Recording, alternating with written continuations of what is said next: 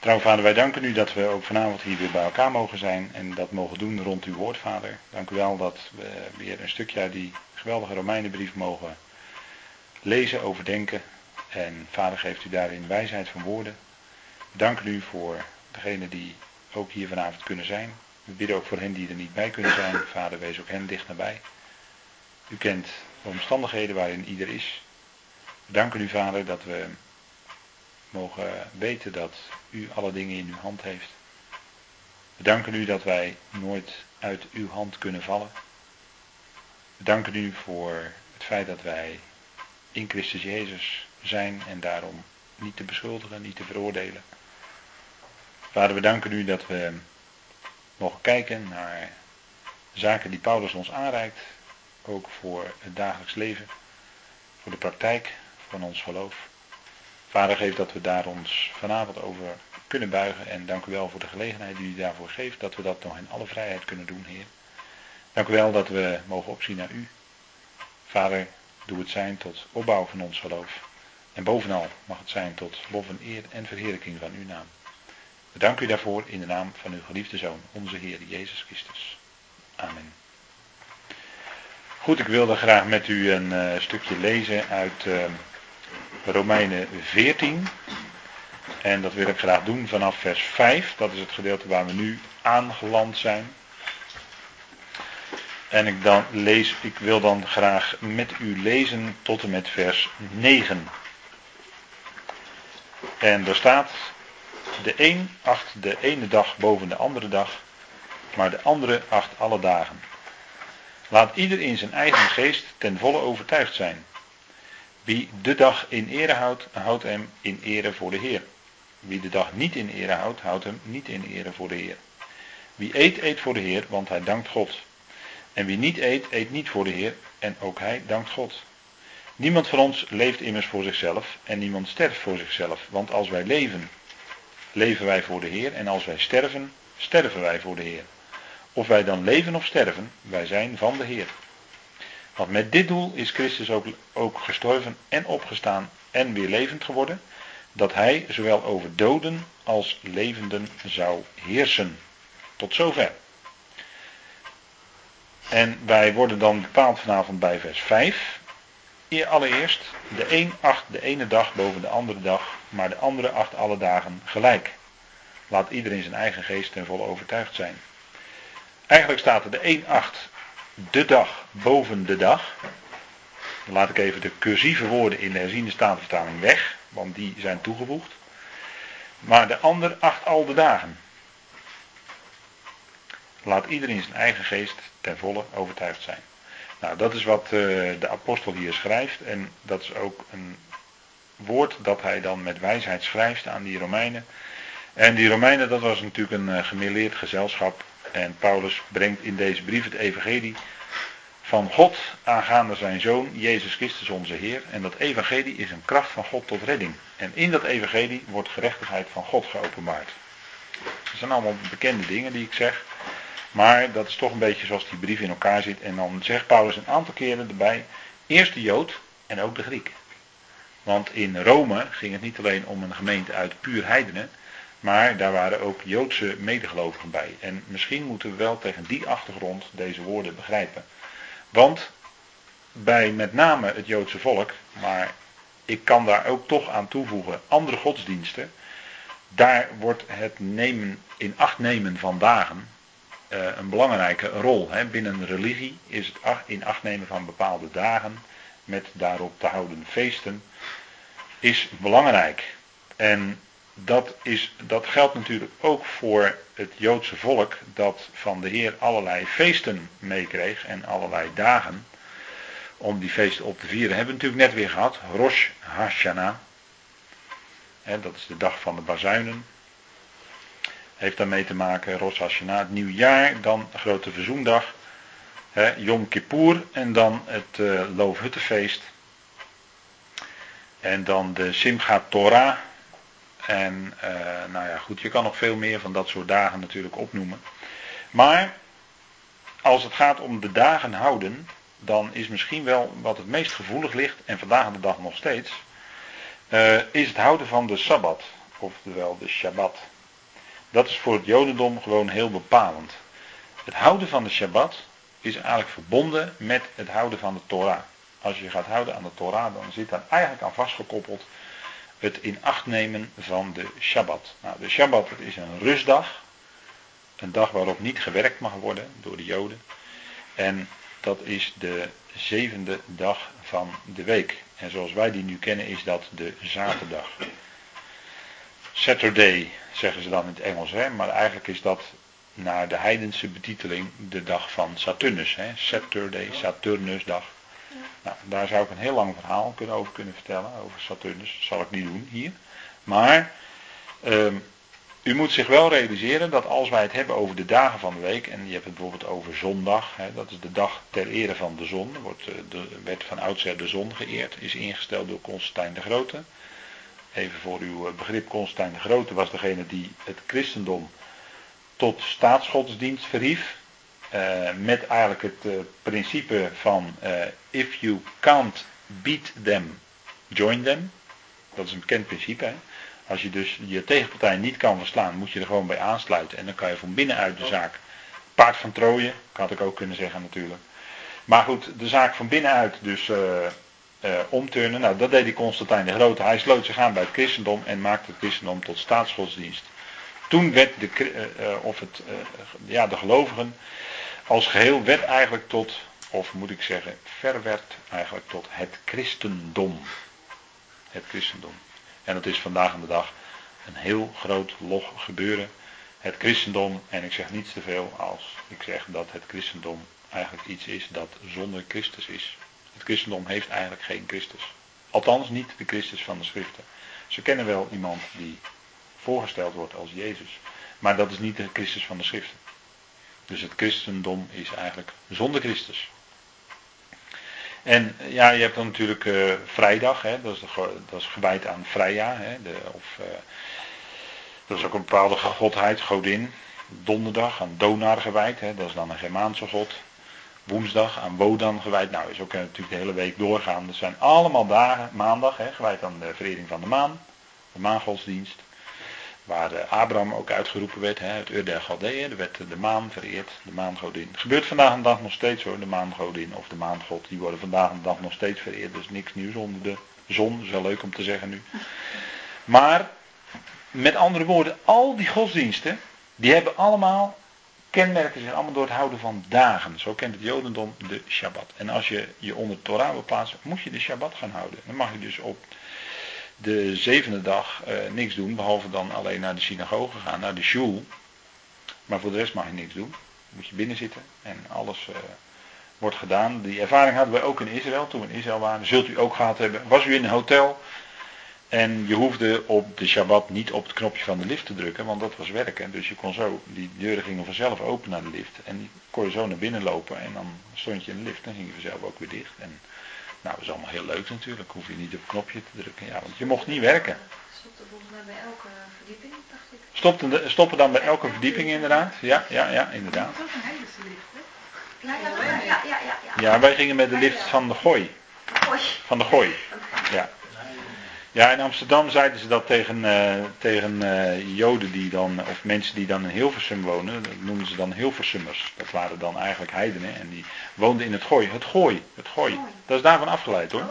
Van Goyim, Gooi. Ja, dan werd tegen, door Amsterdammers, dat is natuurlijk een Joodse stad, werd dat tegen het Gooi gezegd. Dan werd er gezegd Hilversummers. Daar werd op neergekeken. Dat, is, dat was vroeger, ik weet niet of het nu nog zo is, maar in Amsterdam een soort scheldwoord voor... Uh, Tegenwoordig is het gooi heel wat anders, daar gaan we verder liever niet over hebben. Daar maar liever niet over hebben.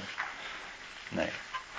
Dan zou ik, daar zou ik niet, eh, nee, dat is niet aardig om dat allemaal te zeggen. Dus dan gaan we gauw verder naar, uh, kijk, de Shabbat, daar wil ik wel even iets van laten zien aan u. Exodus 20, daar lezen we over de invoering van de Shabbat. En daaraan, daaraan wordt dan een bepaalde redenering gekoppeld. Maar besef wel dat dit natuurlijk tegen het volk Israël gezegd wordt bij de Sinaï. En dit is ook wat altijd in kerken wordt voorgelezen. Eigenlijk heel vreemd, maar uh, dit wordt in kerken voorgelezen. Hè? De tien woorden, dus de tien geboden wordt, staat erboven. Ja. De wet van de tien geboden. ik hoef het eigenlijk niet voor te lezen, want ik denk dat we het wel uit ons hoofd kennen als u uit een kerkelijke traditie komt. Ik nog wel, ik kan die woorden nog wel horen. Als ik ze oplees, dan hoor ik de dominee ze nog voorlezen. Toen sprak God al deze woorden, Exodus 20, vers 1. Ik ben de Heer uw God, die u uit het land Egypte, uit het slavenhuis geleid heeft. En dan zit je dan in de kerk. Je bent nog nooit uit Egypte gekomen. Nee, toch? Maar er is een overdrachtelijke betekenis. En daar gaat het natuurlijk steeds om. En dat zal ik vanavond wel een paar keer herhalen. Het gaat om de geestelijke betekenis. maar waarom, vraag ik mij dan af, gaan mensen in gemeentes zich dan toch plaatsen onder de Torah en gaan ze de Shabbat houden? Dat snap ik dan niet. U zult geen andere goden voor mijn aangezicht hebben. U zult voor uzelf geen beeld maken, geen enkele afbeelding van wat boven in de hemel of beneden op de aarde of in het water onder de aarde is. U zult zich daarvoor niet neerbuigen en die niet dienen, want ik, de Heere, ben uw God, ben een naijverig God die de misdaad van de vaderen vergeldt. En het woord vergelden, vergelden zou ook nog wel iets over te zeggen zijn. Dat is eigenlijk opzoeken. opzoeken. Om het weg te doen, precies. Opzoeken om het weg te doen. Aan de kinderen, aan het derde en vierde geslacht van hen die mij haten, maar die barmhartigheid doe. Aan duizenden van hen die mij liefhebben en mijn geboden in acht nemen. Dus eigenlijk is dat duizenden veel zwaarder dan de naijverige God die de misdaad van de vaderen vergeldt. Maar dat wordt nog wel eens vergeten, denk ik. U zult de naam van de Heer uw God niet ijdel gebruiken. En eigenlijk staat daar niet iets over het vloeken, maar er staat eigenlijk het in de mond nemen van de naam van Yahweh uh, in, in ijdelheid, dus te vergeefs. Dus de naam van Yahweh bij iets zeggen, terwijl het op dat moment helemaal niet passend is. Dat betekent het eigenlijk. Dus het heeft niks te maken met vloeken. Maar dit heeft te maken met de naam van de Heer uw God niet ijdel gebruiken. En helaas heeft het, is het Jodendom gaat daarin dan zo ver dat men de naam Yahweh niet wil uitspreken. En ik spreek hem gewoon rustig wel uit, omdat ik daar helemaal niets verkeerds in zie. De naam Yahweh wordt niet uitgesproken. En dan noemt en dan zegt men, het is de naam, hè, dan zegt men Hashem. Of men zegt het is de eeuwige.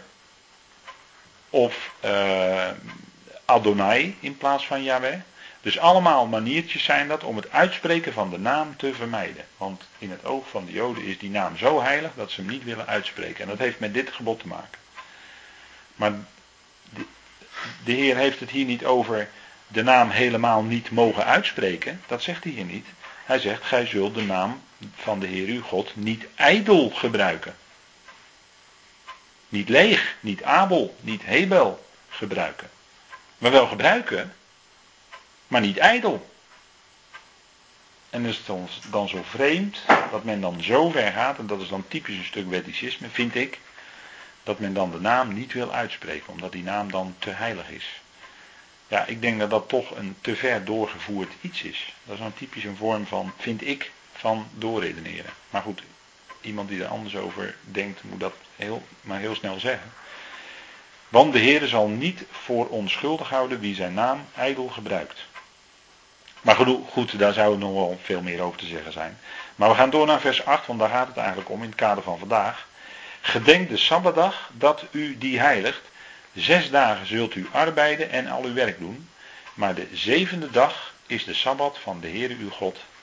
Dan zult u geen enkel werk doen, u, nog uw zoon, nog uw dochter, nog uw slaaf, nog uw slavin, nog uw vee, nog uw vreemdeling die binnen uw poorten is. Want in zes dagen heeft de Heere de hemel en de aarde gemaakt, de zee en al wat erin is, en hij rustte op de zevende dag. Daarom zegende de Heere de Sabbatdag en heiligde die. En dan zegt men, kijk, zie je wel, het werd bij de schepping, nu haalt de Heer, hè, nu wordt hier de schepping erbij gehaald, dat de Heer zelf stopte, eigenlijk staat er niet rusten, maar hij stopte met werken op die zevende. Hij stopte met werken, staat niet rust. Je kunt zich toch niet voorstellen dat God van iets moet rusten. Alsof hij een mens zou zijn dat hij moe is.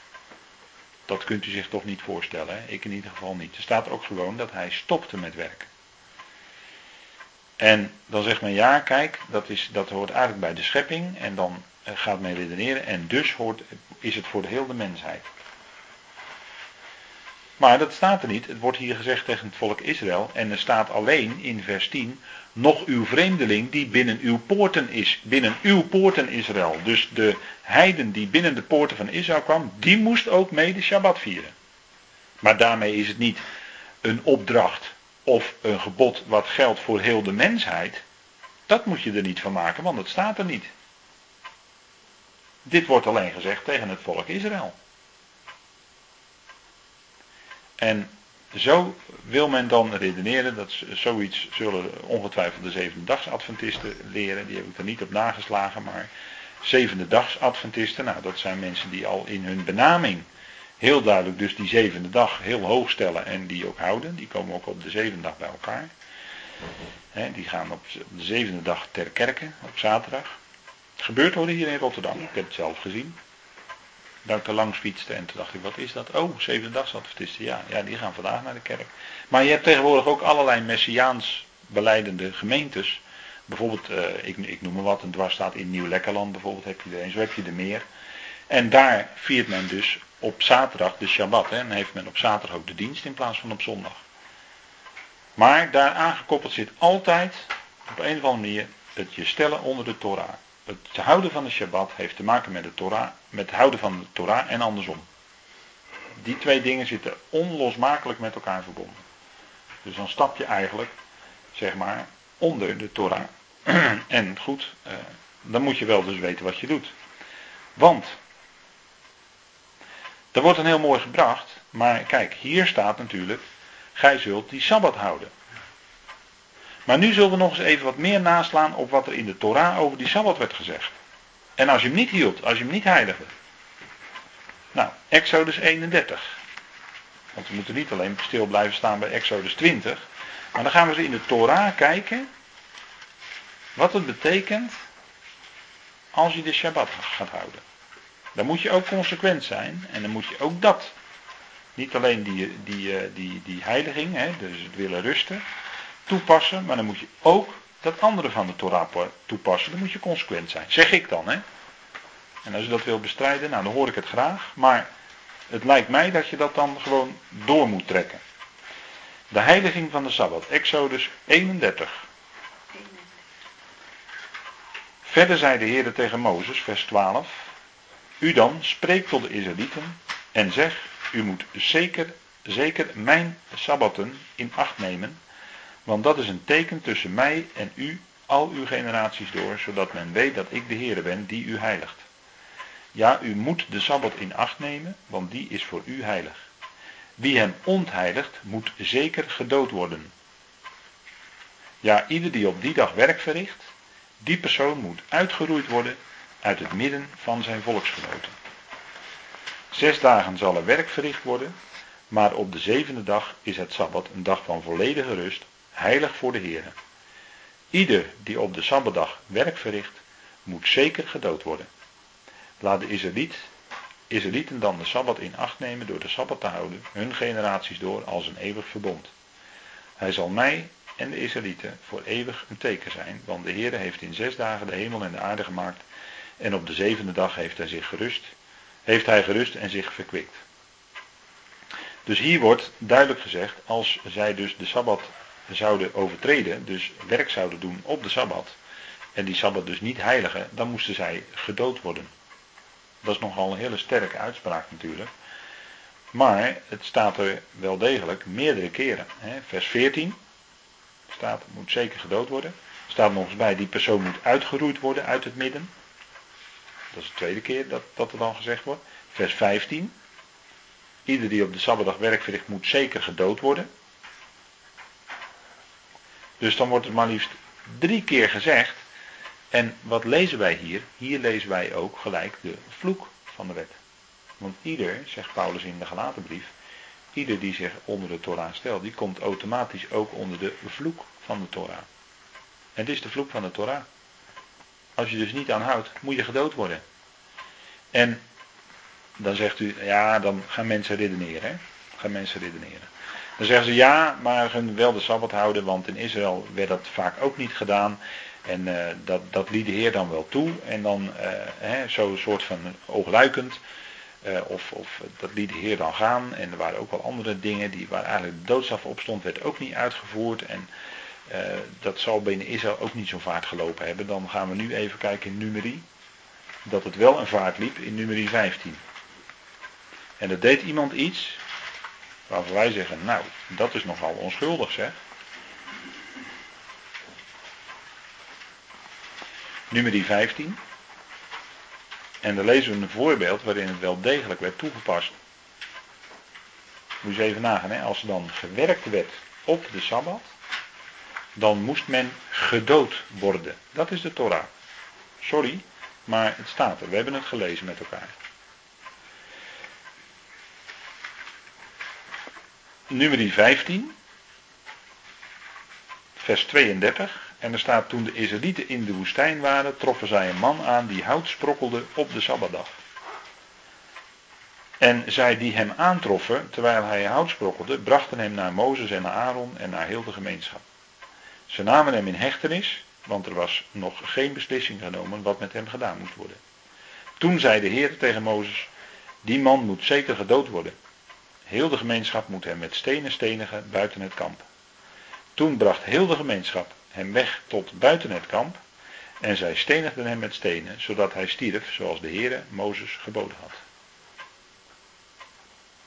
Nou, dat is nogal een onschuldig tijdverdrijf, hè? even wat hout sprokkelen. Maar ja, als je dat op de Sabbatdag doet, dan zie je dus wat er gebeurt.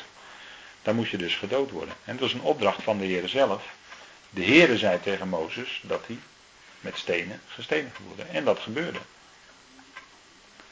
En dat is natuurlijk wel toch heel, heel strikt hier de toepassing van de wet op de Sabbat. En dat gebeurde dus wel degelijk binnen het volk. Binnen het gebeuren van het volk. Daarmee zien we dus dat het heel serieus was. Een hele serieuze zaak. Ik blijf nu helemaal weg van de typologie. Hè, want dit is natuurlijk, hier zit natuurlijk allemaal typologie in. Anders zou het er niet staan. Maar, en dat is ook eigenlijk waar het om gaat. Maar dan zien we ook dat die Sabbat heel letterlijk, hè, die wet op de Sabbat werd heel letterlijk ten uitvoer gelegd. Werd heel letterlijk toegepast. Dus als je de Sabbat gaat houden, zou je consequent moeten zijn en zou je moeten zeggen, ja, maar dan moet je dus ook daar in feite doodstraf op zetten. Ik weet wel dat ik nu heel strikt ben, maar het is in feite, wat ik ermee wil zeggen is, stel je onder de Torah, dan kom je ook gelijk onder de vloek van de Torah. En dat betekent dus de doodstraf. En je zult aardig eh, je eronder uit moeten praten om daar onderuit te kunnen komen. Lijkt mij.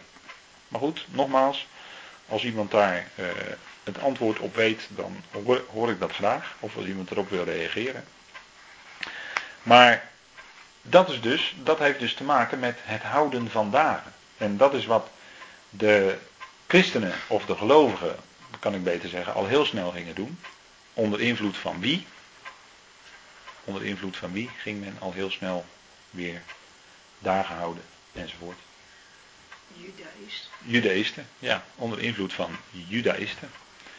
En eh, kijk maar eens hoe Petrus reageerde op eh, hen die van Jacobus kwamen. En Jacobus was de vleeselijke lijn, dat was de halfbroer van de Heer. Dat was de vleeselijke lijn, maar die had wel de leiding gekregen boven Petrus. En toen kwamen zij die van Jacobus. En Petrus ging ineens niet meer met de heidenen, maar die trok zich terug. En dat werd door Paulus aangesproken. Gelaten brief, hè. Maar in de gelaten brief zegt hij ook iets over het houden van dagen. En laten we daar maar even naartoe gaan. Het houden van dagen.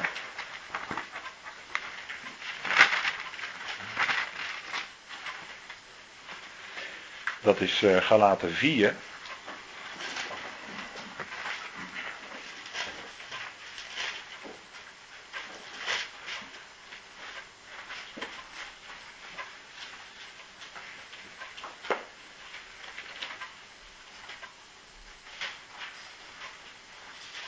Galaten 4 en dan vanaf vers 8. En er staat maar destijds, toen u God niet kende, diende u hen die van nature geen goden zijn. En nu u God kent, ja wat meer is door God gekend bent, hoe kunt u weer terugkeren naar de zwakke en arme grondbeginselen, die u weer van voren af aan wil dienen? U houdt zich aan dagen, maanden, tijden en jaren. Ik vrees voor u dat ik mij misschien te vergeefs voor u heb ingespannen. Met andere woorden, wat was er aan de hand bij die gelaten? Zij werden onder de wet gebracht. Want het blijkt hier, hè. Ze hielden dagen, maanden, tijden en jaren. En dat is, dat is natuurlijk typisch het verschijnsel van de Torah. Leviticus 23 is, staat natuurlijk helemaal vol mee met die feesten en allerlei dagen die ze in acht moesten nemen. Nou, dat was dus bij die gelaten aan de, aan de hand. Hè. Zij waren eh, verlost en zij werden gebracht onder de Torah. Ze hadden misschien eerst in het heiden, heidendom geleefd, met ook het houden van dagen en noem maar op. En toen kwamen ze tot geloof. Ze waren verlost. Paulus vraagt ook in deze brief aan hen: Hebben jullie de geest ontvangen uit de werken der wet? Of uit de prediking van het geloof? Nou, dat was best wel een vraag waar ze het antwoord op wisten hoor. Hebben jullie de geest ontvangen door de werken der wet te doen? Of door de, het horen van de prediking van het geloof? En ze wisten natuurlijk donders goed dat het laatste het geval was. Door het horen van de prediking van het geloof, namelijk het geloof van Jezus Christus. Daardoor waren zij tot geloof gekomen. En nu werden zij onder de Torah gebracht. En dat blijkt ook uit vers 21 van hoofdstuk 4, waarin Paulus die indringende vraag aan hen stelt. Zeg mij, u die onder de wet wilt zijn, luistert u niet naar de wet? En dat het daar gaat om de wet van Mozes, om de Torah van Mozes, is duidelijk, want hij gaat direct spreken over Abraham. Dus dat, is de, dat zijn dus die eerste vijf boeken. Dat wordt altijd de Torah van Mozes genoemd. Hij heeft ze niet allemaal geschreven. Want het, eigenlijk bijna heel, nou, Genesis heeft hij niet geschreven. Heeft hij alleen geredigeerd en samengevoegd. Maar het is door anderen geschreven, Genesis. Is niet door Mozes zelf letterlijk opgeschreven. Maar men noemt ze altijd wel de vijf boeken van Mozes. De hele Torah van Mozes. Dus dat Paulus dus die Torah bedoelt van Mozes, blijkt uit het feit dat hij gaat spreken over Abraham en Sarai en Ismaël en Hagar. En dan gaat hij, wat gaat hij dan doen? Dan gaat hij dus spreken over de typologische betekenis of profetische betekenis, geestelijke betekenis van de Torah. Dat gaat hij invullen. En dat is in feite ook waar die Torah om gegeven was en waarom die voor ons ook zo bijzonder waardevol is. Want die Torah spreekt in alle delen over Christus. Als God spreekt, zijn woord, en dat woord is vlees geworden, dat woord is de Heer zelf. Dat woord is de Heer Jezus Christus zelf. Hij is het vlees geworden woord. Dus als God spreekt, gaat het over Christus. dat kan niet missen. En dat gebeurt al in het eerste hoofdstuk van de Bijbel hoor. Daar spreekt hij in feite al over Christus. En dat blijkt uit, als je de lijn doortrekt vanuit Genesis 1, over de schepping van de mens, waar daar gezegd wordt, naar Psalm 8, en dan moet je ook Hebreeën 2 ernaast leggen. Als u die lijnen pakt, dan zult u zien dat Genesis 1 wordt gesproken over het beeld van God. En dat de mens dus geschapen werd in het beeld van God. En dan zeg ik, wie is het beeld van God? Christus. Dus die mens werd daar geschapen in Christus. En vervolgens, de mensen die daarna kwamen zijn geschapen, ja, die hebben als beeld, als beeld, als uh, beeld waaruit zij voortkomen, eigenlijk Adam. Ze werden naar Adams beeld geschapen. Ja, dat is 1 Korinthe 15. We zijn naar het beeld van de stoffelijke geschapen en wij zullen het beeld dragen van de hemelse. Dus wij komen voort uit Adam, daarom zijn we beelddragers van Adam. En er wordt dan van gemaakt dat wij zijn beelddragers van God. En dan zegt Psalm 8, en dan verheft men de mens tot bijna goddelijk. Maar het staat er ook niet hoor, maar goed. Maar dan wordt er dus ook gezongen dat, dat, uh, dat de mens bijna goddelijk is gemaakt. En er wordt de mens op zo'n hoog voetstuk gebracht. Dan denk ik van ja, maar dat is toch niet helemaal recht doen aan de schrift. Want Hebreeën 2 legt uit dat Psalm 8, wat is de mens dat u aan hem denkt en het mensenzoon dat u naar hem omziet. Psalm 8 wordt door de Hebreeën schrijver uitgelegd dat het gaat over Christus. Wat is de mens? En dan gaat het over Christus. En de mensenzoon, dan gaat het weer over Christus. Dat u hem bijna goddelijk hebt gemaakt, of kan ook zeggen dat u hem even beneden de engel heeft gesteld. Of even wat lager heeft gesteld. Maar het gaat over de Heer hoor. Het gaat daar niet over wij als mensen. En daarmee zet men zichzelf op een heel hoog voetstuk. En dan maken ze dan prachtige liederen van.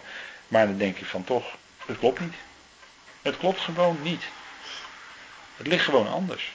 En dat is, uh, ja.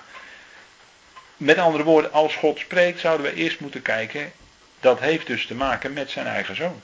En dan zien we dat in talloze typen en beelden het eigenlijk altijd en voortdurend gaat over Christus in de eerste plaats. En wij zijn als mensen zo geneigd om onszelf daarin te lezen en onszelf daarin te willen zien. Maar dat zouden we eigenlijk een beetje kunnen afleren.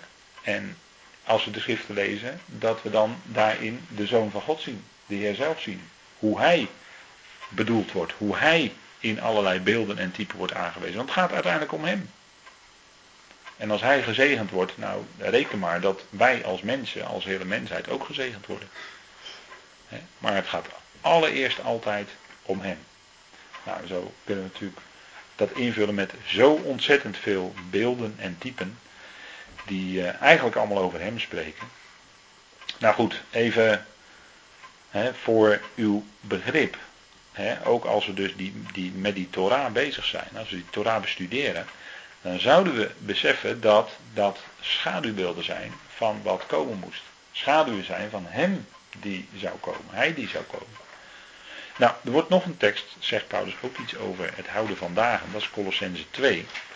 En ik denk dat in het kader van vanavond dat toch best goed is om dat ook even bij te nemen. Colossense 2.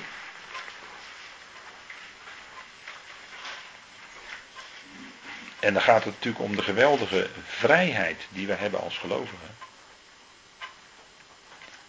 En dan gaan we straks wel weer terug naar Romeinen en dan gaan we praten over sterk en zwak. En dat die met elkaar rekening houden. Dat is even anders, andere zaak weer. Maar nu gaat het over onze vrijheid. Hè? Dan zegt Paulus in Colossense 2, vers 16. Laat dus niemand u, eigenlijk staat er oordelen, in zaken eten of drinken. Of op het punt van een feestdag, een, nieuwe maan of de sabbatten. In Israël waren de feesten ook gekoppeld aan de maan en de nieuwe maan die kwam. Deze een hele jaar is eigenlijk daarna ingedeeld. Steeds die nieuwe maan. Deze zaken zijn een schaduw van de toekomstige dingen. Maar het lichaam is van Christus. Wordt hier heel terecht vertaald hè? In de herziene statenvertaling. Het lichaam is van Christus, dat staat er. In de NBG-vertaling staat abusievelijk.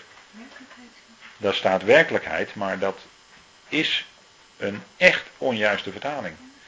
De herziene statenvertaling zegt terecht, maar het lichaam is van Christus. Dat is prima vertaald. En daar gaat het om. Hè? De dingen dus van de dingen die in de Torah genoemd worden, eten, drinken, feestdag, nieuwe maand of sabbat. Paulus zegt daarvan, het zijn schaduwen van wat zou komen. En het lichaam is van Christus. Dus daar zit al een hele duidelijke verwijzing in naar hem die komen zou. En hiermee wijst Paulus ook in feite aan dat die Torah dus eigenlijk in zijn geestelijke betekenis spreekt over de Heer zelf. Want het waren schaduwen, maar bij de geestelijke betekenis de werkelijkheid. Hè? Dus wat later werkelijk zou worden in en door de zoon, en waarin de typen allemaal vervuld werden, dat is hij die zou komen, hè? Christus. En dan is het hier ook nog Christus, de opgestane. Het staat hier, het lichaam is van Jezus, degene die op aarde rondliep, het lichaam is van Christus, de opgestane, de verheerlijkte. Daar hebben we dan mee te maken. Want Paulus had een paar versen ervoor geschreven, niet over de besnijdenis van Jezus. Die heeft al plaatsgevonden op de achtste dag, met alle geweldige typologie die erin zit. Maar hij spreekt in Colossense 2 over de besnijdenis van Christus. Niet die van Jezus. Dat is al verleden dat is gebeurd tijdens zijn aardse leven. Maar de besnijdenis van Christus was zijn dood en opstanding. Zijn afsnijding uit, het, uit de levenden en zijn opstanding uit de dood. Dat is de besnijdenis van Christus. En dat heeft natuurlijk alles te maken met de eersteling. Hij is dan de eersteling van de nieuwe schepping. En daarom werden de jongetjes ook op de achtste dag besneden. Want bij de achtste dag, over dagen gesproken, begint de nieuwe schepping. Bij de achtste dag zit je aan de nieuwe schepping. Zeven is ook het getal van deze schepping. Zeven is, uh, uh, dat, dat is op allerlei manieren.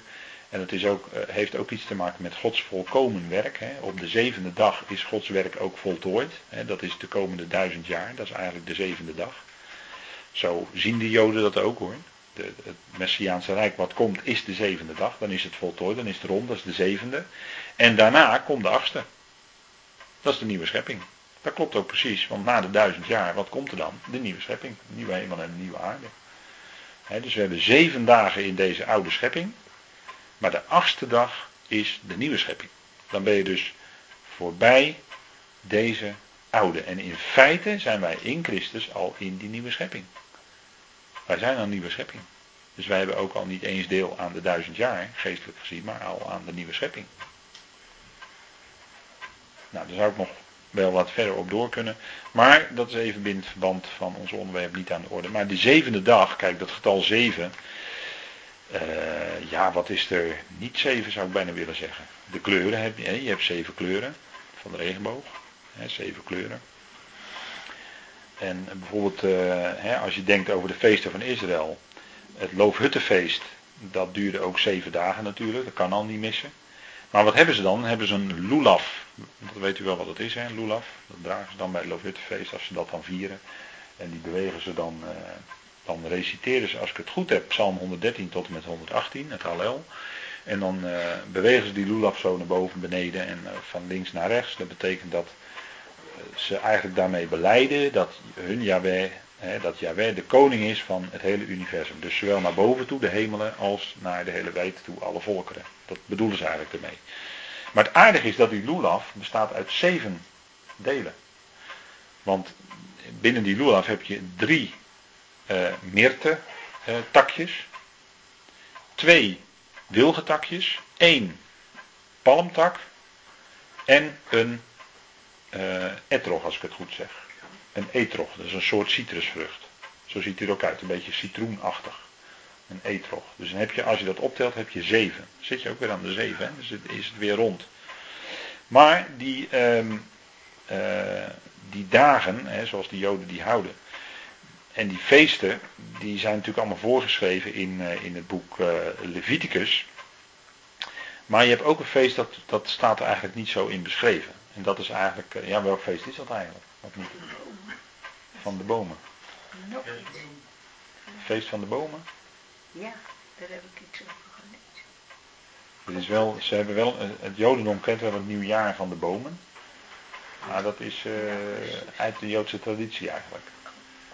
Volgens mij staat het niet zo in de schrift, dacht het niet. Maar misschien baseren ze wel ergens op, maar welk feest staat er niet in Leviticus 23? Wat ze wel vieren?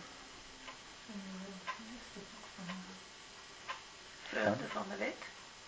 De Simchat Torah. Mm, ja, dat is ook iets wat later wel ontwikkeld is binnen het Jodendom inderdaad. Simchat Torah, dat staat de vreugde van de wet, dat staat ook niet zo in Leviticus 23. Maar ik bedoel er nog één. Die ze ook echt vieren, maar niet in Leviticus staat. En staat wel in de Bijbel, wordt wel in de Bijbel genoemd.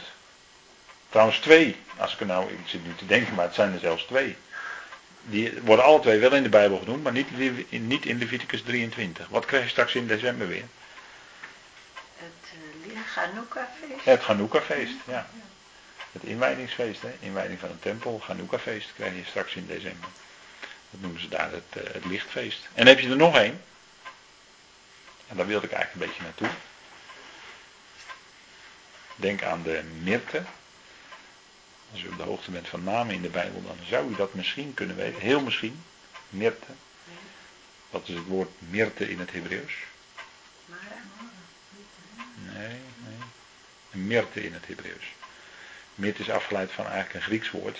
Want daar hebben wij ons woord Myrte vandaan. Maar Myrte is een, uh, is een boom die, uh, uh, die blijft altijd groen. Die heeft hele mooie witte bloesem. En komen een beetje blauw-paarse besjes aan op een gegeven moment. groeit op de zuidhellingen. En dus krijgt wat meer zon en daar, daar groeit hij dan. Maar welke naam is daaraan verbonden, aan de mirte? En dan zitten we gelijk ook in een feest, wat niet in de Leviticus genoemd wordt. Even kijken, nog een aanwijzing. Ja, als ik nog één woord zeg, dan weet u het gelijk. Zeg dat ene woord dan maar. Het lot. Het lot. Ja, Purimfeest. Ja, daar hebben we. Hadassa. Hadassa betekent mirte. Hadassa. Purimfeest is natuurlijk verbonden met uh, koningin Esther. Of degene die Esther heette en koningin werd. En dat is uh, Hadassa, dat is de mirte. En die, die uh, drie takken mirte, die hebben ze dan bij het Loofhuttenfeest. Die zitten in de Lulaf. Dus Esther is eigenlijk daardoor toch een beetje verbonden, niet alleen met het Purimfeest, maar ook op die manier toch een beetje verbonden met, de, met het Loofhuttenfeest, met de Lulaf, hè, de drie takjes die herinneren aan haar originele Hebreeuwse naam. Maar ze werd ook Esther genoemd, dat is afgeleid van het Hebreeuwse woord satar en betekent verborgen, zij die verborgen is. En dat is ook wat de naam van de Heer is in het boek Esther komt namelijk de naam van de Heer niet voor. Ik weet niet of u dat wel eens gehoord hebt. Maar de naam van de Heer wordt in het hele boek Esther niet genoemd. En toch is het vreemde dat, die, dat het boek wel in de schrift is opgenomen. Nou, het is niet vreemd als je het boek gaat lezen, wordt dat wel duidelijk. Maar we lezen natuurlijk over een geweldige verlossing uit de hand van de jodenhater Haman. Door het optreden van Esther en vooral ook van haar oom Mordechai. En uh, de naam van de Heer is weliswaar, wordt weliswaar niet expliciet in het boek genoemd. Maar via een, dat noemt men dan een soort lettercombinatie, zit die naam wel vijf keer, en niet toevallig vijf, vijf hoor, want ook dat heeft weer een betekenis, maar zit vijf keer verborgen in het boek Esther. Dat is als je een bepaalde zin uh, leest en je neemt dan de beginletters, dan zijn beginletters van die woorden daarin, vormen dan de naam Yahweh. En dat komt precies vijf keer voor in het boek. En vijf in de schrift is het getal ook van de verborgen dingen. Dat wat verborgen is, komt bij de vijf tevoorschijn. De he, de Hebreeuwse letter he, is de vijfde letter. Die was eerst verborgen, die zat eerst niet in de naam van Abraham, die was nog verborgen, maar later werd hij aan die naam toegevoegd. Bij Sarah ook bijvoorbeeld. En eigenlijk zit je dan weer een klein beetje rond. Want uh, in het begin van Esther wordt dus gezegd dat uh, koning Ahasverus regeerde over 127 gewesten. En dan denkt je 127, waar komt het nog meer voor? Het is één vrouw van wie vermeld wordt in de schrift hoe oud zij geworden is. En in dat jaar stierf zij. Dus maar van één vrouw wordt dat vermeld. En dat is Sarai. Die werd namelijk 127 jaar. Heel toevallig. Dat is natuurlijk niet toevallig. Maar die werd 127 jaar. En toen stierf zij. Dus de enige vrouw van wie de leeftijd wordt vermeld. Dus dat is ook weer bijzonder. En juist zij kreeg die letter He aan de naam toegevoegd op een gegeven moment. Die, die letter die eerst verborgen was. Want de He, de H-klank, die vind je in de talen ook niet terug. Kijk, wij spreken hem uit door te zeggen He, maar eigenlijk is hij er niet.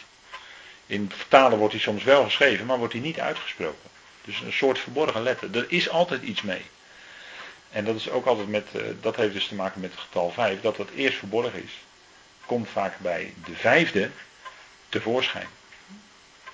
En dat, is dan, dat staat dan eigenlijk voor God die voor veel ogen en voor veel oren verborgen is. Maar zijn handelen voor degene die het ziet, wordt wel degelijk zichtbaar. Dus hij is, en dat is ook typisch, en daarmee heeft Esther, het boek Esther, want daarin zien we dus eigenlijk, wordt eigenlijk de naam van Yahweh niet genoemd, expliciet, maar we zien wel heel duidelijk zijn hand, want hij bewaart het volk voor de jodenhater Haman. Hij weet precies het lot ook te doen vallen en precies de dingen zo op bepaalde dagen, want daar hebben we het nu ook over, bepaalde dagen zo te doen, dat het Joodse volk daardoor niet omkomt, maar juist Haman. Dus hij keert het precies om. En dat is eigenlijk wat in het boek Esther allemaal uh, zit. En daarmee is het boek Esther eigenlijk ook een uitbeelding van de tegenwoordige tijd waarin wij leven.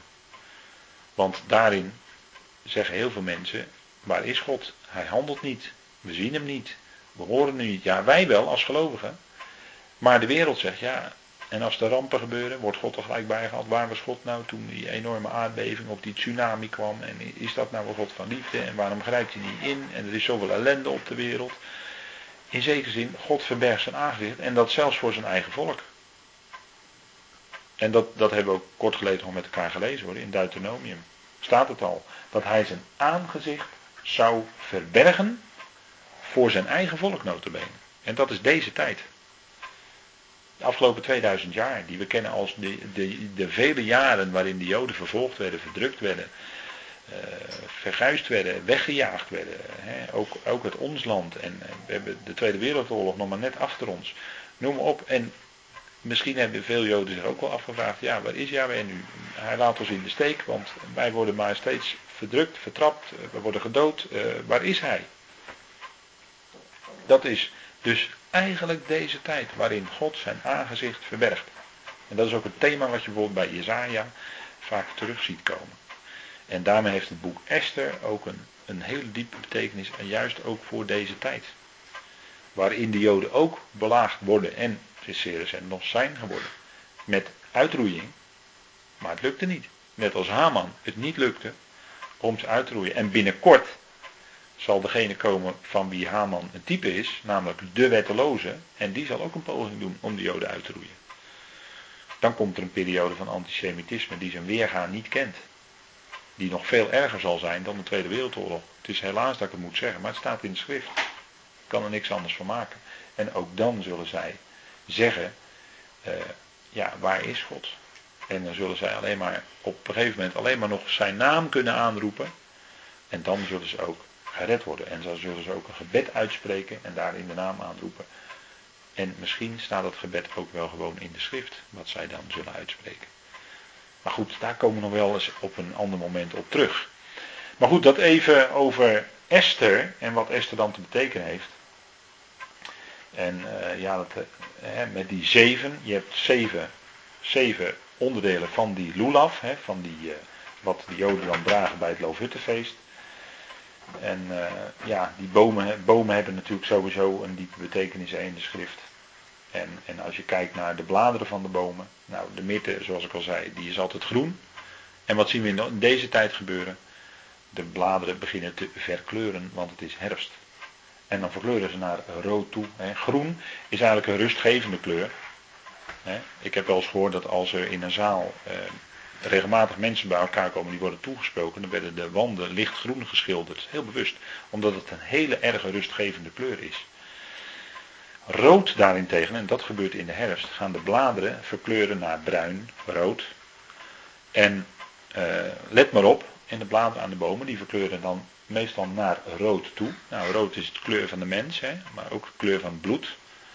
En dat heeft ook mee te maken dat alles sterfelijk, sterfelijk is, rood. rood is ook een kleur waar de onrust in zit. Uh, rood is een kleur die op je afkomt. Is een, uh, dat noemt men dan een expanderende kleur. Als je een rood vlak ziet, dan komt het naar je toe. Als je een groen vlak ziet, niet. Dat, dat is heel rustig. Dat is, uh, dat is echt waar. Dan kun je zeggen, ja, dat is kleurenleer, maar dat is echt waar. Ga het maar eens voor jezelf uittesten. En rood heeft dan te maken met de mens die sterfelijk is. En het is heel wonderlijk, maar in de herfstperiode sterven de meeste mensen. En dan zeggen we tegen elkaar, de blaadjes vallen van de bomen. Maar het is ook zelfs wel statistisch aangetoond dat het zo is. Dan sterven toch de meeste mensen. Dus dat heeft wel iets met elkaar te maken. En dat is eigenlijk een prachtig stukje typologie in de natuur natuurlijk, waar ik het nu over heb. En dan in de winter krijg je de sneeuw, dan wordt alles wit. Hè. In de herfst gaat alles dood. In de winter krijg je de witte sneeuw. En uh, als je dat natuurlijk naar de Heer zelf toe wil verklaren. Nou, hij is natuurlijk als mens gestorven aan het kruis. Heeft zijn bloed, rood, vergoten. Hij is in de dood gegaan. Maar daarna was wel het werk volbracht. Rechtvaardiging van allen. En dat is de kleur wit. Die komt dan terug in de sneeuw. En wat krijg je dan daarna? Krijg je weer dat alles gaat uitbotten. Wordt alles weer groen. Nieuw leven. Opstanding. En zo zien we eigenlijk elk jaar in een cyclus de typologie in de natuur eigenlijk ten diepste van het werk van onze Heer. En dat is eigenlijk heel mooi. Dat wil ik u nog even voor de pauze meegeven. We gaan even pauzeren. Goed, wij gaan uh, verder met ons uh, onderwerp en we waren voor de pauze toch wel wat afgedwaald, denk ik. We waren helemaal bij allerlei bomen terechtgekomen en olijfboom, daar zou ik ook nog wel wat over kunnen zeggen. Maar dat doe ik niet. Het is wel een hele mooie boom, de olijfboom. Die sterft niet, hè, trouwens, olijfboom. Dat is, een, dat is een zichzelf genererende boom. Dat is een regenererende boom. Als die niet ziek wordt, dan, uh, dan sterft die niet. Dus die kan echt duizenden jaren oud worden, die boom. Dat is echt ongelooflijk. Ja. Maar goed, daar gaan we het verder niet over hebben, over de olijfboom. Dat is misschien weer voor een andere keer. Maar wij waren in Romeinen 14 en daar hebben wij het via een omweg gehad over het houden van dagen. En de Joden houden bij traditie zich aan de Shabbat. En uh, dat is altijd een heel gebeuren. dat begint altijd vrijdagavond al. En dan zeggen ze op uh, vrijdagavond Shabbat Shalom tegen elkaar. En uh, op zaterdag ook. Maar goed, ehm, vanuit de traditie is het natuurlijk begrijpelijk dat als er dan Joden waren die tot geloof in de Messias gekomen waren, dat die niet zomaar 1, 2, 3 los waren van die traditie. En die bleven misschien wel zich houden aan die Shabbatvieringen en dat soort dingen. En er waren natuurlijk mensen die waren tot geloof gekomen uit de heidenen. En die, ja, die hadden daar waarschijnlijk vanuit hun jeugd helemaal niets mee. Dat is vrijwel zeker dat ze daar niets mee hadden met de Shabbat. kwam uit een hele andere traditie. Die hadden daar dus geen moeite mee om uh, dat onderscheid van dagen te verliezen. En dan degene die toch wil vasthouden aan het juist niet willen eten van bepaald voedsel, het zich willen houden aan dagen, enzovoort, enzovoort. Uh, ja, die konden dat vasthouden. Dat had te maken met een stukje geweten, een stukje traditie. Uh, nou, in ieder geval uh, heeft dat toch te maken met een stukje zwakte in het geloof. En dan zegt Paulus, laat nou de een de ander niet veroordelen. En hè, laat de een de ander niet veroordelen. Dat we zeggen, laat die zwakke nou die sterke niet veroordelen. Om, ja, omdat hij sterk is en zich uh, weet van nou ik ben volledig vrij. Ik, ik acht alle dagen.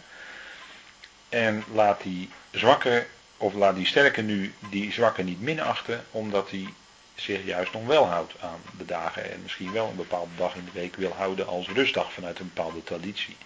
En zo kunnen we dat vandaag de dag ook nog hebben met mensen die uit een bepaalde traditie komen en die zich graag willen houden aan de zondagsrust. Dat kan ook. En mensen die bewust gelovig zijn, maar toch die zondagsrust niet kunnen loslaten om een of andere reden, die vinden dat ze dat moeten doen. En dan heb je gelovigen die staan in de volle vrijheid en die weten dat ze vrij zijn en die kunnen op zondag ja, wel alles doen. Maar als je nou met elkaar bezig bent en je komt met elkaar in aanraking, dan kun je wel daarop letten dat je daarom denkt bij de ander. En dat is een stukje fijngevoeligheid, liefde, waar Paulus het over heeft. En daarom zegt hij in vers 5 van Romeinen 14, laat ieder in zijn eigen geest, of in zijn eigen, uh, ja, in zijn eigen denken, ten volle overtuigd zijn. Uh, met andere woorden, in vers 6 ligt hij dat wat verder toe. Wie de dag in ere houdt, houdt hem in ere voor de Heer. En wie de dag niet in ere houdt, houdt hem niet in ere voor de Heer. Wie eet, eet voor de Heer, want hij dankt God. En wie niet eet, eet niet voor de Heer en ook hij dankt God. Waar gaat het nu eigenlijk om? Het gaat erom dat de dingen die wij doen, of juist niet doen, Paulus zegt, laat het, laat het dan wel zijn dat je dat doet met een gezindheid of met een achtergrond dat je dat tot eer van God wil doen. Kijk, en mensen, sommige mensen die vanuit traditie komen, die willen juist die rustdag in ere houden. En dat doen ze eigenlijk, bedoelen ze eigenlijk te zijn in hun volle overtuiging tot eer van God. Willen ze eigenlijk doen tot eer van God. Nou, zolang ze dat doen, zegt Paulus, en ze doen dat met die intentie, hè, met die achtergrond, eigenlijk hè, met het oog op verder, wel verder groeien in het geloof. Maar als, als men in een bepaalde ontwikkeling is en men is op dat punt en men wil het wel doen voor de Heer, dus tot eer van Hem, prima. Eigenlijk zegt Paulus, prima. Hou er zo. En als je in volle vrijheid staat en je neemt alle dagen in acht en je zegt ja, eigenlijk is elke dag een dag van de Heer. En eigenlijk gedenken we elke dag de opstanding, zo zou je het ook kunnen zeggen. Dan is dat ook, wil je dat ook doen tot eer van Hem. En dan is het eigenlijk ook goed. En laten we dan elkaar niet minachten en elkaar niet veroordelen om die reden dat we juist iets wel of iets niet doen. En dat heeft dan ook met eten te maken, waar we de vorige keer bij stil hebben gestaan. Als je nu uh, je wil houden aan bepaalde spijswetten uit de Torah, nou daar hebben we vorige keer wel wat over gezien. Uit Deuteronomium 14, hè, die reine en die onreine dieren en dat soort dingen.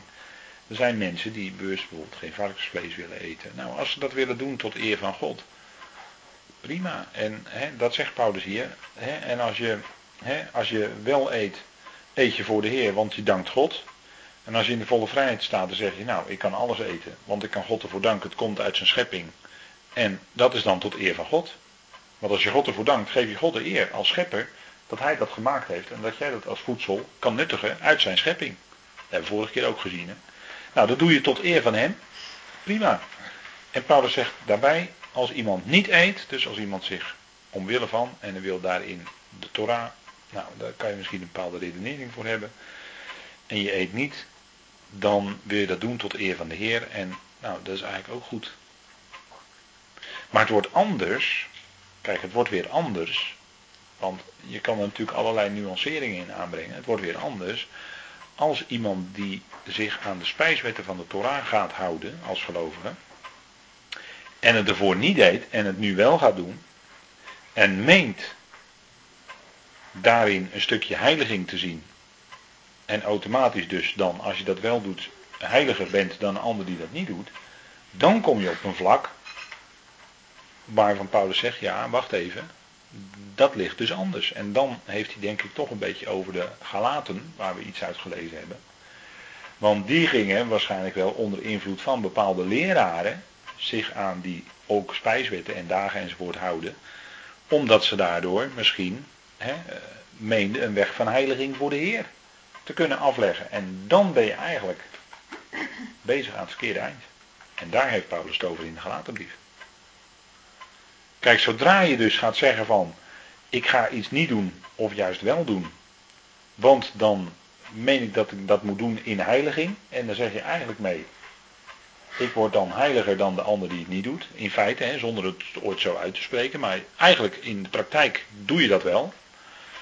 Ja, dan ben je op het terrein bezig. Dan zegt Paulus, ja wacht even, zo werkt het niet, want we zijn in hem, en daar heeft hij het ook in Colossense over, in hem, in Christus, zijn wij al compleet gemaakt.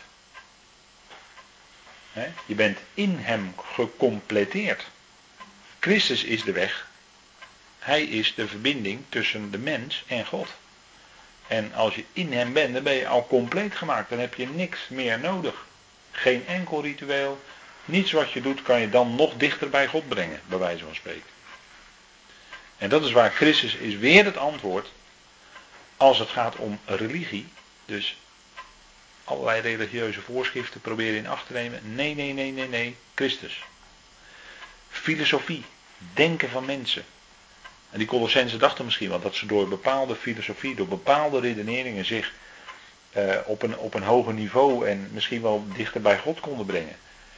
Geen filosofie, zegt Paulus. Filosofie, nee, nee, nee, nee, nee, Christus. Dat is eigenlijk de, strekking van, van Colossense 2, waar het om gaat. En daarom zegt hij, ja, de ware besnijdenis waar het om gaat, is die van Christus zelf.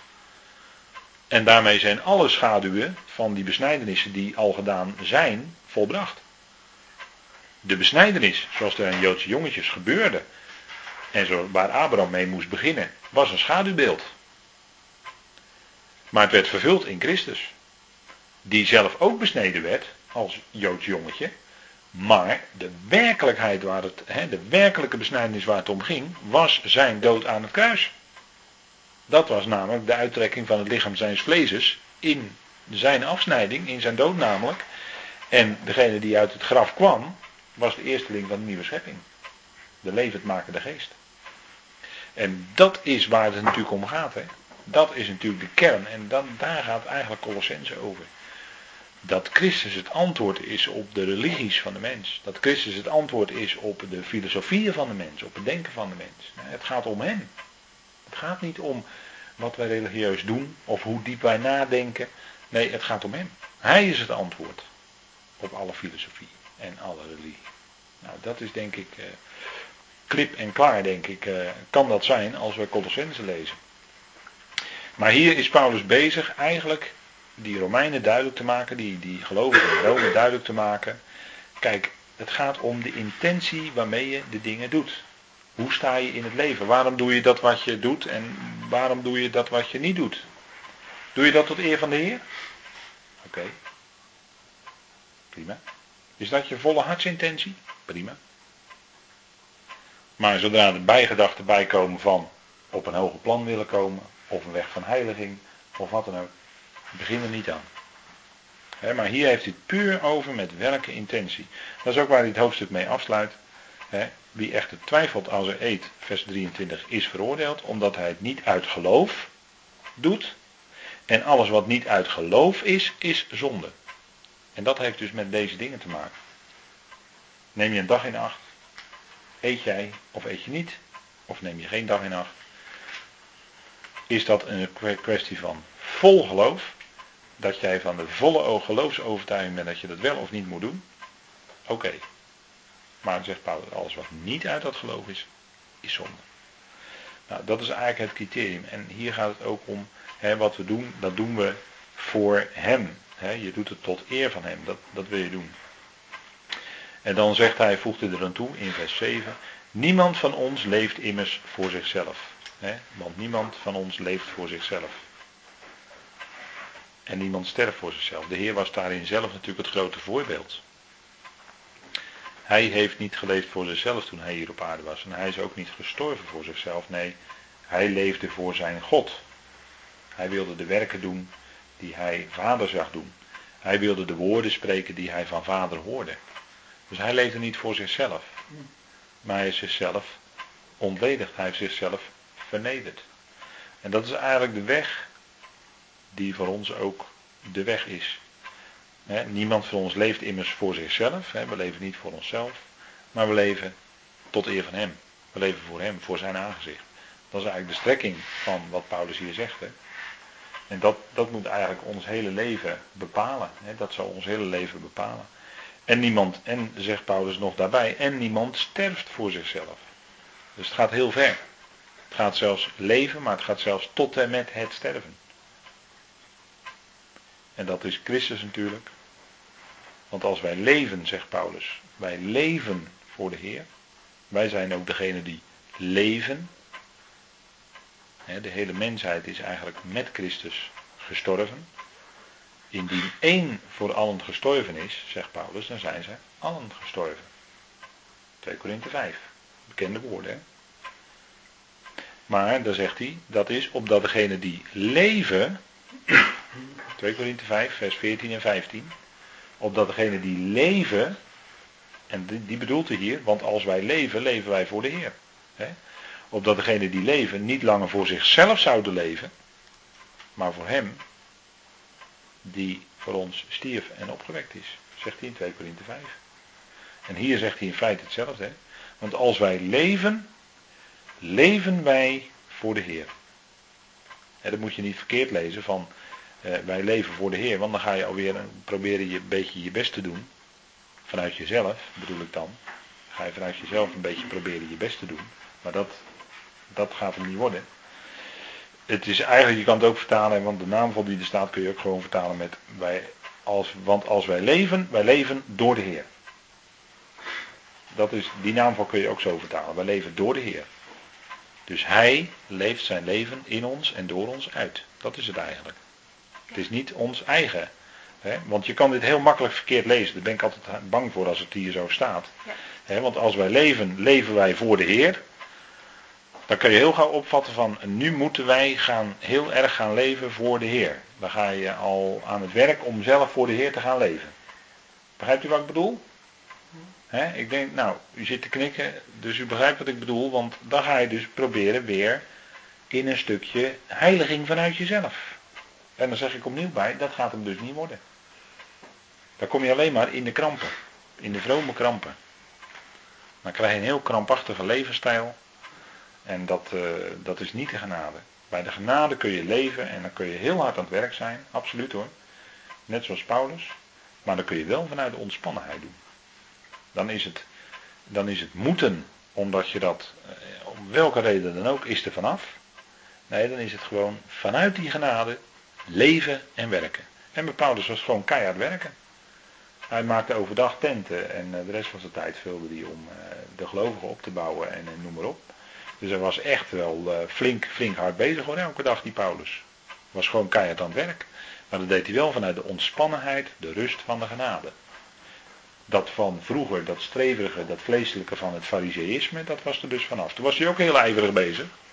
Was hij zelfs opgeklommen tot, eh, tot de, hoogste positie binnen het fariseïsme. Nou, dat is wat hoor. En dan moet je wat in acht nemen hoor. Dan moet je wat doen. Dan moet je ijverig zijn hoor. Tot en met. Maar dat was vleeselijk ijver. En dat is niet zoals wij leven. Nee, wij leven zoals Paulus leefde ook in de tweede fase van zijn leven, om het zo maar te zeggen. Nadat hij tot, echt tot geloof was gekomen, op weg naar Damascus. Vanaf toen was het ook heel hard werken, maar het was genade. En toen was het rust. En toen was het ook zijn kracht. In 1 Corinthe 15 zegt hij dat. Hè? Ik heb meer gearbeid dan ze allen. Dan al die andere apostelen van de besnijdenis bedoelt hij dan. En dat kon hij met recht zeggen. Dat was geen opschepperij, dat kon hij met recht zeggen. En dat zei hij ook heel ootmoedig, want hij zei er direct bij. Maar niet ik, maar de genade Gods die met me was. En dat is de kracht die God verleende. Opstandingskracht, want daar gaat het over in 1 Korinthe 15. Het was opstandingskracht. De kracht van de Heer namelijk, de opgestane. Daardoor kon hij zo enorm veel werk verzetten. En daardoor leefde hij. Dus het ging niet langer om zijn eigen, maar het ging om zijn kracht. Met een hoofdletter. Zijn kracht met hoofdletter. Snapt u? En Daarom ben ik bang dat je dit gauw verkeerd kan lezen in vers 8. Hè? Want als wij leven, en je kunt ook gewoon vertalen, leven wij door de Heer. Dus de Heer die doet het. En wij leven. En als wij sterven, sterven wij door de Heer. Dus de moed die we hebben, ook zelfs om te sterven, dat is dan ook de moed die Hij ons geeft. Zover gaat dat. Dus dat gaat tot en met het uiteindelijke einde hè, van ons aardse bestaan. En dan zegt Paulus, of wij dan leven of sterven, wij zijn van de Heer. Dat is natuurlijk de geweldige verzekering. Hè. Wat er ook gebeurt, het zij we leven. Het zij dat we hier nog moeten meemaken dat we sterven. Wij zijn van Hem. En op het moment dat we sterven weten we dat voor onze ervaring een seconde later de bazuin gaat. Van die tussentijd weten wij niets. De doden weten niets. Dus wij slapen in en een seconde later worden wij wakker door, door de bazuin. Hoe, dat, hoe die dan ook maar klinkt. Wat het nou ook voor geluid is, maakt niet uit. De Heer zal ons dan opwekken. Dus het zijn we dan leven of sterven, wij zijn van de Heer. En je kunt ook zo zeggen, het zijn we leven of sterven, wij zijn voor zijn rekening.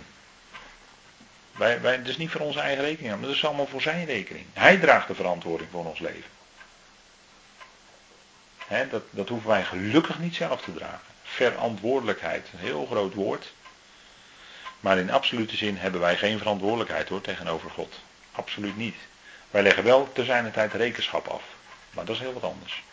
Maar wij kunnen nooit verantwoordelijkheid dragen.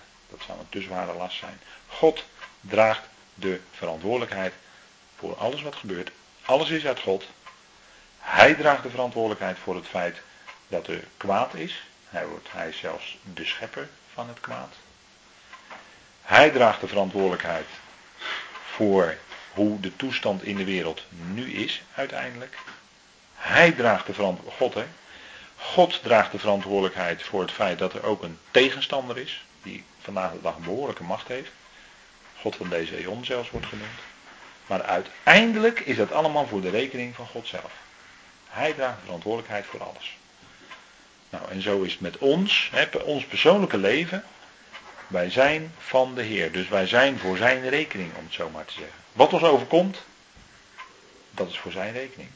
Wat ons overkomt, we zijn in zijn hand. Wat ons ook overkomt, we kunnen nooit buiten zijn liefde vallen. Wat ons ook overkomt, alles is ten diepste uit hem en door hem en tot hem. Ook in ons persoonlijk leven. zegt u ook die kleine dingen? Ja, ook die kleine dingen. Uiteindelijk wel. Uiteindelijk wel. Als we even heel strikt naar de kern toe gaan, is alles uit God hoor.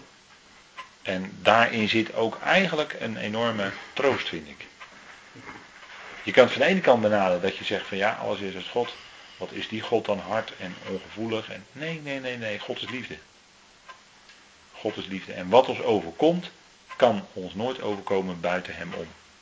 Het kan nooit buiten hem omgaan. Wat er ook gebeurt. Ten diepste is alles uit hem en door hem en tot hem. He, Romeinen 11, vers 36, een hele bekende tekst, maar er zit een geweldige diepte in. En eigenlijk staat die boven deze hoofdstukken, die allemaal gaan over ons praktische geloofsleven, allemaal dingen die gebeuren. En straks gaan we het, uh, volgende keren gaan we het wel hebben over aanstoot geven, nemen, uh, noem maar op, de Bema en alles. Maar uiteindelijk is dat allemaal uit hem. Dus die, die woorden van Romeinen 11, vers 36 staan gewoon boven deze hoofdstukken. En, en er staat ook hierboven, hè. Het zijn we dan leven of sterven, wij zijn van de Heer. Het is alles uit Hem en ook door Hem en tot Hem. En Hij is liefde en Hij laat ons nooit iets, uh, hè, ons kan ons nooit iets overkomen wat Hij niet wil. Hè, wat, wat ons ook hè, overkomt in ons leven, wij weten het is nooit buiten de wil van Vader om. En daarom kunnen we ook Hem danken als we bidden. Want we weten dat de uitkomst goed is. Als ons kwaad overkomt, weten we dat Hij dat ten goede zal uitwerken. En, en dat geldt natuurlijk ook voor het lijden in ons leven. Het lijden dat is er. En dat gaat soms heel diep. Maar dat lijden dat kan nooit uh, te diep zijn. God zal nooit het water boven onze lippen laten komen. En hij zal met die beproeving ook voor de uitkomst zorgen. Wat betekent dat? Hij neemt die beproeving niet weg. Maar in die beproeving geeft hij de kracht om, ja, hoe moet ik het zeggen, eronder te kunnen blijven staan. Het water komt ons niet boven de lippen en al dat soort dingen. Maar dat lijden, en dat is ook wat Paulus ook zegt, bewerkt uiteindelijk een alles overtreffend gewicht aan heerlijkheid. Dus het gaat door lijden heen tot heerlijkheid. En dat is eigenlijk uh, hoe God dat wat in ons leven ons overkomt, uitwerkt. En dat is dan uiteindelijk toch ten goede, want het leidt tot heerlijkheid. En elke dag die wij leven brengt ons toch een stapje dichter bij die heerlijkheid, bij die vrijkoping van ons lichaam. En, en daarom zeg ik, wij zijn voor rekening van de Heer.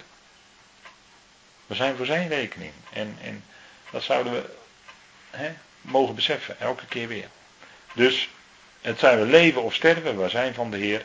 En dan zegt Paulus eroverheen, want met dit doel, en dan wijst hij weer op de Heer, is Christus ook gestorven en opgestaan en weer levend geworden, dat hij zowel over doden als levende zou heersen. Nou, uiteindelijk is het dus inderdaad, hij regeert over alles. Hij staat boven alles. Hè? Hij regeert over levende en doden. En als het de tijd is, zal zijn stem klinken en zal hij diegene opwekken en levend maken die hij wil op dat moment. En de gemeente is de eerste groep die levend wordt gemaakt. En uiteindelijk zal allen dat overkomen. Maar dat is natuurlijk het geweldige wat boven alles uitstaat. Dat is de Heer zelf. De Heer zelf die boven alles staat. Christus regeert over allen en alles. Dus ja, dat, dat is uh, die heerlijke zekerheid die Paulus hier uitspreekt dat hij over doden en levenden zou regeren. Nou, dat is ook een geweldig feit. En uiteindelijk zal daarom leven het laatste woord hebben, want hij is de levensvorst. Leven het laatste woord hebben. En zal de dood ook uitgeschakeld worden, definitief. Dat geldt niet alleen voor de eerste, maar dat geldt ook voor de tweede dood. en daar hebben we natuurlijk eh, onlangs over kunnen spreken. En daarin werd het toch heel duidelijk dat die tweede dood uiteindelijk ook opgegeven wordt. Christus is de namelijk de levensvorst. En hij heft de dood op. Dus overal waar hij op een gegeven moment de dood nog tegenkomt, zal hij hem opheffen. Omdat hij de levende is. En, en, de dood kan dan niet meer blijven bestaan op een gegeven moment. Dan moet die dood moet ook buiten werking gesteld worden. Dat kan niet anders. Nou, de tweede dood wordt dus uiteindelijk opgegeven. En dat is dan als hij inderdaad regeert. Maar dat is totdat, hè, hij heerst, regeert, totdat alle vijanden onder zijn voeten gesteld zijn. En dan zal ook de zoon zelf zich aan de vader onderschikken. Tot dat moment. Hè. Nou goed, ik denk dat dat een goede afsluiting is voor uh, vanavond. Dit was het.